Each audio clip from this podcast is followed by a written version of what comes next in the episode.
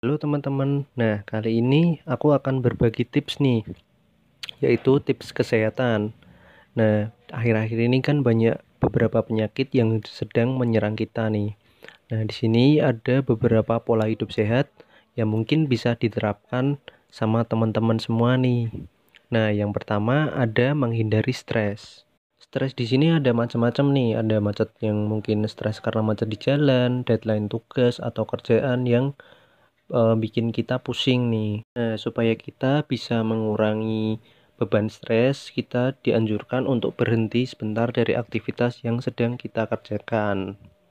Nah, berikutnya yang kedua, bijak dalam pemilihan makanan. Nah, kita tahu bahwa makanan itu 80% berpengaruh pada tubuh kita.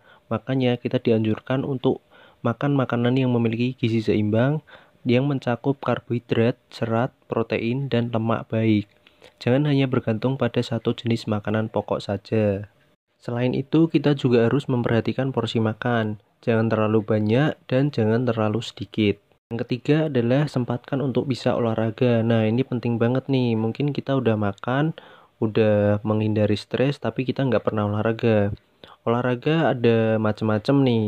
Bisa contohnya seperti jogging atau workout ke gym misal kita bebas memilih olahraga mana saja nih yang bisa kita lakukan. Yang penting kita aktif bergerak supaya tubuh bisa membakar membakar kalori yang mengendap di tubuh. Sekian podcast tips kesehatan hari ini. Sampai bertemu di podcast selanjutnya dan jangan lupa dengarkan podcast episode lainnya. Terima kasih.